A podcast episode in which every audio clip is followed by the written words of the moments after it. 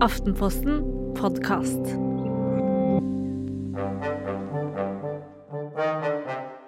Du har lest alle de riktige bøkene, så du møter barnas følelser sånn som ekspertene sier. Du går ned i øyehøyde på huk, og du ser dem, og du prøver å forstå, og du stiller alle de riktige, åpne spørsmålene uten moralistiske undertoner. Hva skjedde, vennen min? Hvorfor ble alt så dumt? Nei, du dømmer ikke. Du smiler. Du gjør alt riktig, føler du. Og hva får du igjen? Et barn som slenger igjen døra, som gjemmer seg under senga eller faller sammen som en våt klut. Andre igjen nikker til alt du sier, før de snur, ler og gjør det stikk motsatte. Og så har du han, eller hun, som tar rennafart, som bruker vreng på stemmen som skjold og alle kroppens lemmer som våpen. De går i krig, full krig, med ild i blikket. Og hva gjør du da?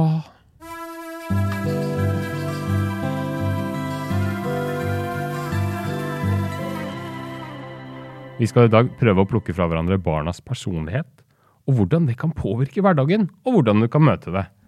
Vi har derfor lagd oss tre ulike kategorier, har vi ikke det? Krigeren, teflonet, som alt preller av på, og den lettkrenkede. Fiffi, velkommen til en ny episode av Foreldrekoden, forresten. Og Hedvig Montgomery, kan ikke du først fortelle litt generelt om personlighet? Hva er det som avgjør hvordan barna er, eller blir, som typer? Ja, Det er et godt spørsmål, fordi barna er født med noen temperamentstrekk, pleier vi å kalle det. Det vil si at noen eh, er mer søkende, noen er, eh, har eh, kortere lunte, rett og slett. Gråter mer og lettere. Vi ser noen sånne trekk ganske tidlig. Men derfra til å bli en personlighet, et sånt fullt sett av en tendens til hvordan de reagerer, hvordan de tenker og hvordan de forholder seg til verden, det begynner vi først å se konturene av sånn omtrent halvveis i barndommen, altså rundt tiårsalderen. Mm -hmm. Og helt på plass, sånn at vi kan si litt sånn med trygghet 'sånn er du', finner vi den ikke før de har bikket 20, og kanskje vel så det.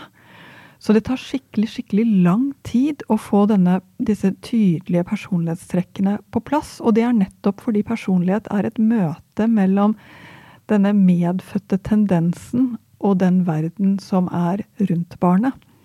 Så personligheten er altså et resultat av både det barnet kommer med, og den verden som du skaper. Mm. Og hvor mye kan man da egentlig påvirke underveis her? Ja, Det er jo alltid et tusenkronersspørsmål, og det kommer litt an på det enkelte trekk. Eh, men så må jeg også si at når vi snakker om det på denne måten, så kjente jeg nå nesten med en gang at dette blir jo helt feil. For vi er jo ikke ingeniører som sitter og skrur på en uh, forsterker med forskjellige ting vi kan trekke opp og ned hos barnet. Det vi gjør, som er det viktige, er jo at vi lager en trygghet som gjør at barnet kan finne sine veier og sine måter å reagere på som fungerer både i familien og i samfunnet. Eh, det var jo nesten litt overraskende at vi må liksom helt opp i 20-åra før personligheten er på, på, på plass. Men og da er man i mål, eller, og helt sikkert, eller er vi ferdige da, eller hvordan er det da? Jeg vet hva, Dette syns jeg egentlig er ganske vakkert, fordi vi endrer oss hele livet. Og hva slags liv vi lever, påvirker hvem vi er lite grann hele livet. Og så er det én ting til som er nesten litt tyngdekraften. Det er at alle, helt uavhengig av hva slags personlighetstrekk du har, eh, går i samme retning eh, med årene. Nemlig at vi har en tendens til å bli mer aktive, altså ta mer plass sosialt enn det, vi, eh, enn det vi kanskje gjorde i en gitt periode. Vi har alle sammen en tendens til å bli mer forsiktige, altså ta mindre risiko med alderen. Og vi har også alle sammen en tendens til å bli mer pliktoppfyllende og, og målrettede med årene. Så det er, det er, nesten slik at vi går fra å være en slags uh, vifte uh, i, i, ganske store forskjeller som 25-åringer. 25-åringer, og så får vi en slags avslipning eh, frem til sykehjemmet kaller. Så det at jeg har begynt å nå, nå i vinter eh, merke at jeg har begynt å ploge litt mer nedoverbakkene, det gir mening? Det gir rett og slett mening. Vi ploger mer med årene. det er sånn vi blir. Men uh, hvis vi går tilbake til uh, disse barna, som vi jo egentlig skal prøve å snakke litt om. Vi lagde oss tre sånne typer som er kanskje eksempler da, på, på personligheter. Og kanskje er de litt outrerte. Uh, vi kalte den ene for den lett krenkbare. Altså, hva kjennetegner han eller hun? Altså, grunnen til at vi valgte disse tre, er jo at det er tre som ofte oppleves som litt slitsomme for foreldrene og for dem rundt. Sånn at det er jo de tre typene vi ganske ofte får spørsmål rundt. Og den lettkrenkede, den som rett og slett ikke tar rådgivning eller korreksjon. Den som eh, blir kjempelei seg for det minste vink fra både andre barn og fra foreldre. Den som lett uh, gir opp fordi at det gjorde så vondt å, å, å stå i det. Den uh, Det er jo ganske vanskelig når du som forelder skal veilede barnet ditt. Når du som forelder skal si ja, men kanskje det ikke er så farlig at Trine sa det til deg. Kanskje det går bra likevel. Det er ikke så lett når du har et barn som nærmest har inni seg at de hele tiden jobber mot at det er rett og slett synd på deg. Mm.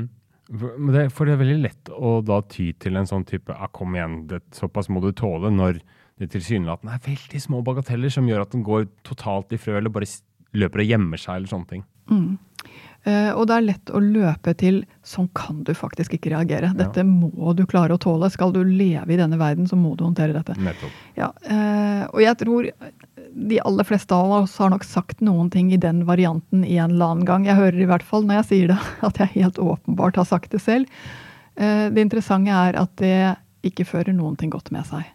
Fordi nesten helt uavhengig av hva dette trekket er som, som stikker oss litt i øyet, men hvis det da er denne lettkrenkede, går vi til krig mot det, så blir det bare større. Altså vi forstørrer det opp ved å bli eh, for normative på at sånn går det ikke an å gjøre det, sånn går det ikke an å være, sånn får du ikke lov til å reagere. Det er akkurat som det som vi prøver å få mest bort ved å, å sette oss på det. Da bare popper det enda sterkere opp så fort vi eh, snur oss. Så hva du skal gjøre for noen ting, ja. det er for det første å rett og slett vite at ok, sånn er det akkurat nå. Og jeg må si akkurat nå er et viktig stikkord når vi tenker på barns personlighet. For en av de største fellene vi kan gjøre, det er å tenke ja, men jeg har et sånt lettkrenket barn. Som jeg sa, her er det mye som endrer seg, og det endrer seg masse fra de er fire til de er 20. Så det første du skal gjøre, det er å anta at dette, kan, dette kommer til å bli annerledes. Men akkurat nå har jeg en som lett blir lei seg, lett blir frustrert, tåler dårlig tilbakemeldingene. Uh, og når du merker det, så skal du også tenke og det kommer til å gå helt fint. Fordi når du kan si til barnet ditt åh, oh, ja, det der var uh, Det der ble du skikkelig lei deg for, jeg vet. Men vet du hva? Det, kommer, det finner vi en vei rundt. Altså Når du kan være med på å finne løsningen, med på å lete etter andre måter å reagere på, da er du til hjelp. Og når du er til hjelp, så er du også med på å forme den personligheten som faktisk blir. Hvordan hjelper man på best mulig måte, da? Man hjelper på best mulig måte ved å eh, si at det er ikke sikkert at hun mente det sånn, eller det var ikke helt sånn jeg mente det som det kom ut nå. Det hørtes hardere ut enn det det er. Rett og slett ved å bruke tid på å oversette det som barnet blir lei seg for, til noe som barnet kan leve med. Og da hørtes det ut som du mener at man ikke skal legge det på dem på noen som helst måte, men legge det på omstendighetene? Ja, eller? skjønner godt at du ble misforstått, ja. Mm. Og det skjønner man jo når man kjenner sitt eget barn. Implisitt, da, fra det du sa nå, så, så kan man liksom i anførselstegn vokse det av seg? Selv om det er et utprega kanskje trekk ved dette barnet? Det er så mye som endrer seg i løpet av disse 20 årene. Det er så mye som er sterkt i ene året for å være helt i bakgrunnen neste år. Og nettopp fordi måten vi håndterer det på, betyr noe for hvordan det blir, så er det mye som kan endre seg her. Når er det du ser at det blir full krasj med sånne type mellom foreldre og barn med dette trekket? Altså, det, det, er jo interessant, for det ene det er når uh, foreldrene selv er ganske tykkhudede uh, og virkelig syns at det ikke er noe å la seg pille på nesen av. eh, da ser de nesten litt ned på de barna som, som lett eh, kjenner at dette er vanskelig. Og det å bli satt ned, sett ned på, det er ikke noe god følelse, vet du. Nei. Ikke for barn, ikke for voksne. Eh, så da kommer det inn i en krigssituasjon ganske fort. Men pussig nok så får vi også den samme krigssituasjonen når foreldrene selv eh, skjønner dette altfor godt og blir krenket nesten på barnets vegne og sammen med barnet. Og, eh, og på en måte også kjenner at de ikke er så glad for at barna skal gå gjennom det samme som jeg måtte da jeg var barn. Altså nesten får en sånn 100 gjenkjennelse. Ja. Eh, fordi da blir foreldrene litt desperate og vil gjøre hva som helst for å få det bort. Mm. Og igjen, desperasjon er ikke noe som barn reagerer spesielt bra på. Mm. Hvis man ser en, et sånt type trekk da, som man kanskje ikke ønsker da, i barnet, så er det jo lett for og kan, Kanskje at man skylder på omstendighetene. At man har vært altså at det er noe ubehagelig i miljøet rundt, eller et eller annet sånt noe som har virket inn på det. Men vil det som regel være noe som er iboende fra naturens side? Det er helt klart at havner barn i en situasjon som han eller hun står fast i, på skolen, i vennegjengen, eh, og låser seg litt fast i én måte å reagere på eller håndtere det på, så kan det like gjerne være altså det, det har med, med, denne personligheten som holder på å vokse frem å gjøre, det har det, men det har jo absolutt kanskje enda mer å gjøre med omstendighet og hva barnet kan av sosiale ferdigheter ennå. Så det å fortsette å lære seg hvordan møter jeg vanskelige situasjoner, altså det er noe som barna er i opplæringsfasen på. Og jeg tror ofte vi undervurderer hvor nybegynnere f.eks. tiåringen er. At vi undervurderer hvor nybegynner seksåringen er på å komme inn i en klasse. Vi rett og slett glemmer at denne situasjonen nok er mye større enn den personligheten som ikke engang er ferdig vokst frem ennå.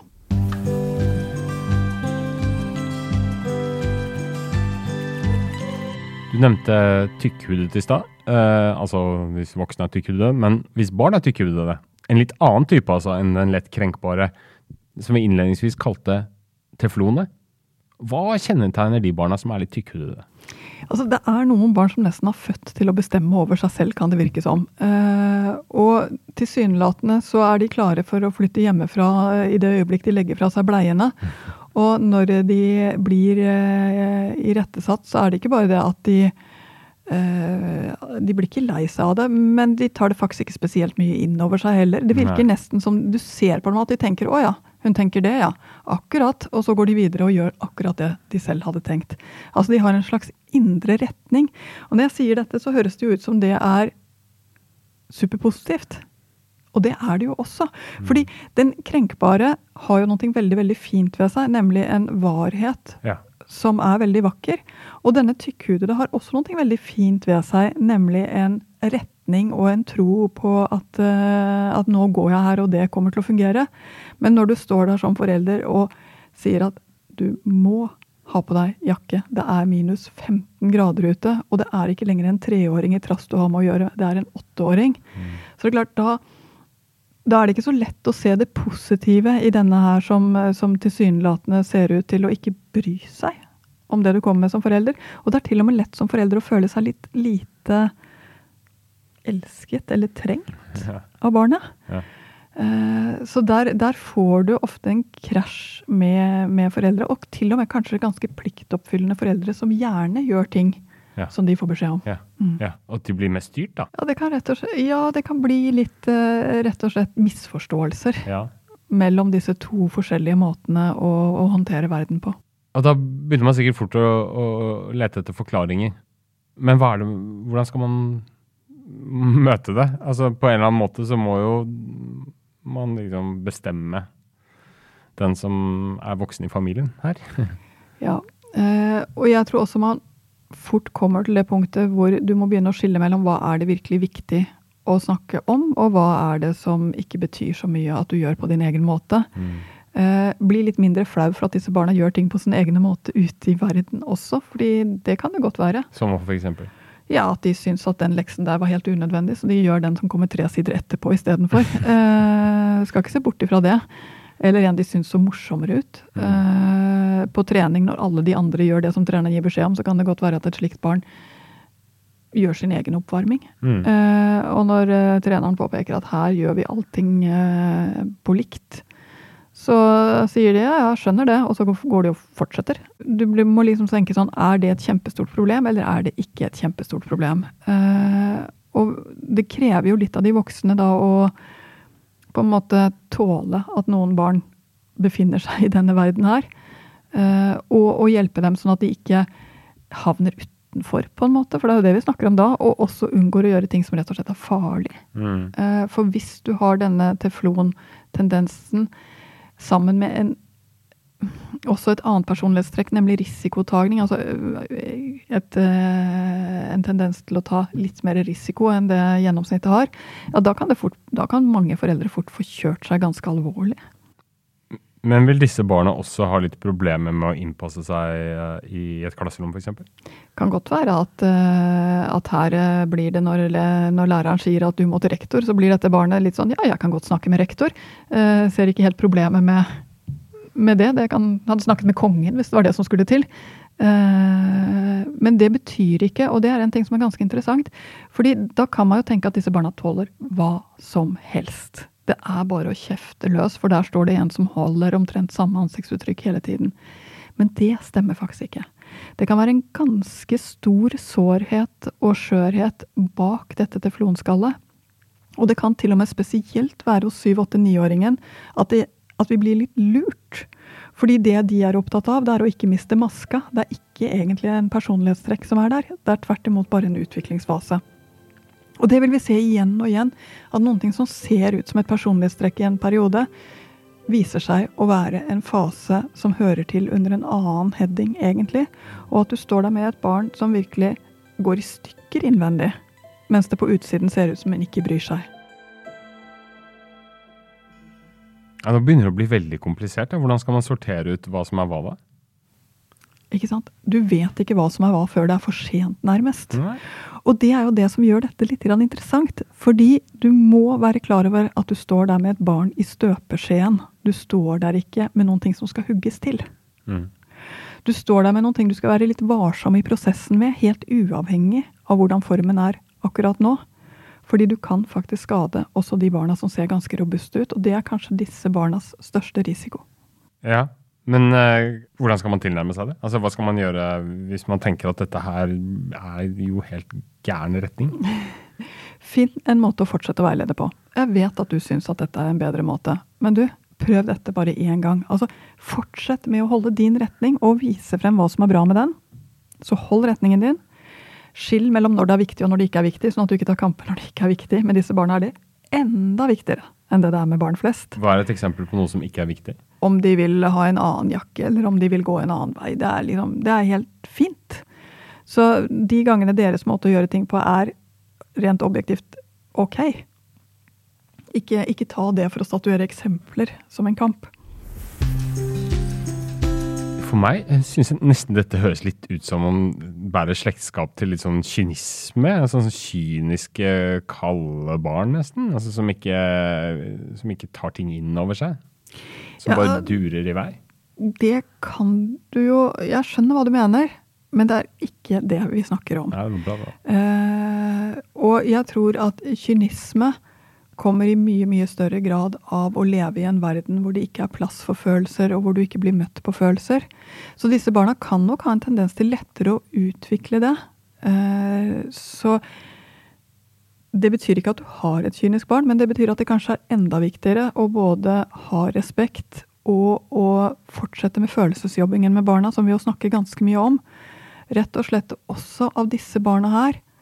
Når du sier du i stad det så ikke ut som du brydde deg så mye da, da,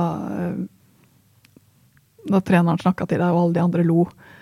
Eh, hva skjedde egentlig? Nei, nei, det var helt greit for meg. Eh, ja, men hva var det egentlig som skjedde? Hva tenkte du på? Altså, fortsett å snakke om det som skjer, også med de barna som ser ut som de ikke bryr seg. fordi et eller annet sted inni der så trenger de også å knytte sammen følelser og handlinger.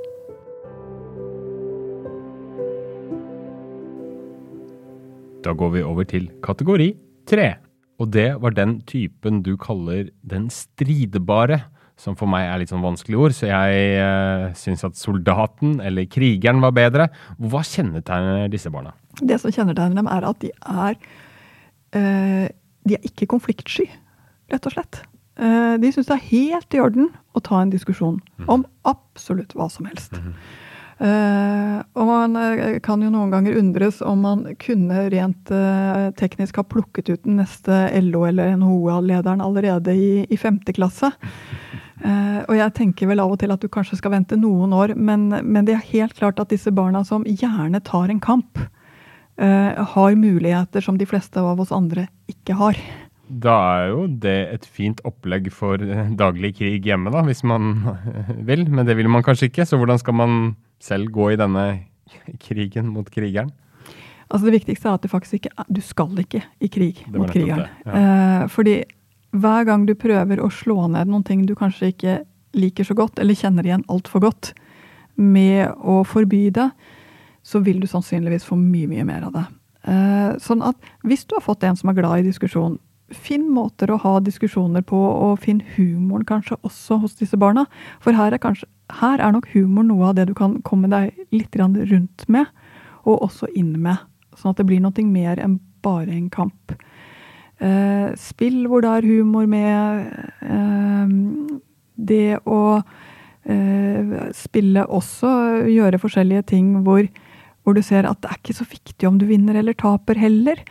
Eh, ikke la dette bli den store kampen om vinnere eller tapere, men rett og slett vise frem i praksis at ja, det er plass for deg også når du er sånn, og også når jeg mener sånn. Men Betyr det at disse barna er så sånn klassisk dårlige tapere? Er det det du mener? eller? Ja, Du finner nok flere dårlige tapere i denne gruppen her. Men igjen, de fleste eh, barn i en viss alder er også dårlige tapere. Eh, ja. Det å lære seg å tape med stil må man kanskje opp og bikke 40 før man nærmer seg. 80. 80, ja. Det ante meg, altså. Ja. Uh, så, så, det er ikke de eneste eksemplene, men det er mer at de er så diskusjonsvillige. Og ofte er de også uh, dyktige med ord, altså ordsterke. Mm. Og det gjør at du kan føle deg litt fanga. Mm. Fordi du blir argumentert i senk av en elleve-åring. Uh, mm. som ikke er noe spesielt god følelse. Der skal du vite at der ligger ordene foran modenhet og utvikling og det kommer til å bli bedre. Så jeg tror kanskje det viktigste, siden du spurte meg om det med disse barna, det er å ikke bli for fortvilet for fort og liksom tenke at det er sånn du er. Fordi dette er barn som i stor grad endrer seg når modenheten kommer i kapp med deres evne til å ta kamp. Så når er det disse type altså personlighetstrekkene og hva skal man si da kommer til sitt uttrykk uh, mest? uten at liksom eh, utviklinga helt henger med ennå? Altså, når er det det er vanskelig? Hvilken aldersgruppe er det det er vanskeligst? Uh, for disse stridbare barna så tror jeg nok at de fleste kjenner at det er tweens-alderen, når de begynner å nærme seg tenåringer og i starten på tenåringsalderen, mm. som, uh, som, man som forelder får kjørt seg hardest. Mm. For da, Hvis vi da hopper litt tilbake igjen til den første som vi snakka om, den, den, den, krenkbare. I disse dager så er jo selve livet blitt et eneste stort krenk. Men, men det er jo noe som lett er beslekta til å gå fort i stykker i, i, i ungdommen, hvor man er skjør kanskje, og det er mye hormoner og, og greier. Men hvilket, hvilket, aldersspenn er det dette her kommer liksom veldig til uttrykk? Altså der må Jeg si at jeg synes det er ganske interessant, for disse selv ganske små barn viser disse tendensene her. altså ja. Nede før skolealder. Det er bare at her er det fortsatt så mye som, som vokser av seg. Men hver gang du klarer å vise det barnet som blir lett krenket av veldig små ting, at vet du hva, det går helt fint. Det ordner seg. Det gjør ingenting. Det der fikser vi. Det der, får du til. Hvis du gjør litt sånn istedenfor, så er ikke det så farlig. Mm. For hver gang du får vist dem det, så legger du på litt hud som er ganske nyttig å ha nettopp når de kommer opp i tenårene. Uh, og siden du er inne på det, så er det jo faktisk nesten et problem at det å være uh, lettkrenket nå er rent kulturelt nesten et positivt trekk. Vi oppmuntrer jo det. Eh, du skal ikke føle det sånn. Du skal slippe å være i offerposisjonen. Eh, så, det, så gjør vi jo lett det motsatte. Vi sier nemlig 'å, stakkars deg', og 'nei, sånn skal ingen føle', og det er absolutt helt unødvendig.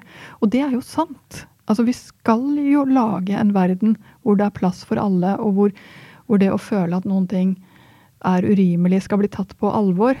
Men samtidig så sitter de igjen uten verktøy hvis de ikke får lært seg at ja, den følelsen der er uh, ubehagelig, og du trenger å deale med den. Mm. Selv når det er noen annen som har skylden for at du har den. Mm. Og det er jo kanskje det som gjør dette så vanskelig å være oppdrager. fordi at på den ene siden så har vi den store tanken ingen skal trenge å ha det sånn som du har det akkurat nå. Og på den annen side så har vi oppdragerrollen vår, som er å vise dem at vet du hva, du kan takle at du av og til får den følelsen, og at det er noen annen som har gitt den til deg, fordi du kan gjøre noe for å komme videre i denne situasjonen. Siden vi nå konkluderte med at dette her er ekstremt komplekst, så tror jeg vi bare på tampen her skal bryte det ned igjen til tre konkrete tips. Ett på hvert av disse litt sjablongmessige personlighetstrekkene som vi har uh, brutt ned her.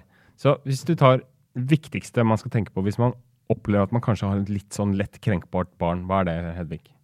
Det lett krenkbare barnet trenger at du viser deg at den følelsen går det an å leve med. Den er ikke verdens undergang, og det går an å gjøre noe annet enn å sette seg ned. Teflonen? Der skal du vite at det kan være mer sårt på under denne glatte overflaten enn det du kanskje tror, eh, og at både du og barnet trenger å komme i kontakt med det. Og krigeren. Krigeren trenger at du roer ned deg selv, sånn at du ikke blir en kriger tilbake. Hva er det verste man kan gjøre, da? Altså, Jevnt over så tror jeg det er slik at barna er seg selv. De vokser frem, de er som trær, og hvor grenene kommer og hvordan bladene blir, det er noen ting av det du ikke vet helt før det er for sent. Men vi vet at trygghet gjør at dette får mye finere form enn utrygghet. Så hvis vi klarer å lage en trygghet for at vet du hva, det der kommer til å gå seg til, og jeg kan være med deg på å få til den beskjæringsprosessen, ja, da kan nesten hva som helst fungere. Da avslutter vi rett og slett. Jeg vil gjerne bare si på tampen her at eh, hvis du likte denne podkasten, så abonner gjerne ved å trykke nettopp på den abonner-knappen i din podkastspiller, så kommer neste episode rett inn i feeden din. Eller så må du også gjerne anbefale den videre til en venn. Takk for at du hørte på. Ikke glem at det er en ny episode hver mandag. Ha det!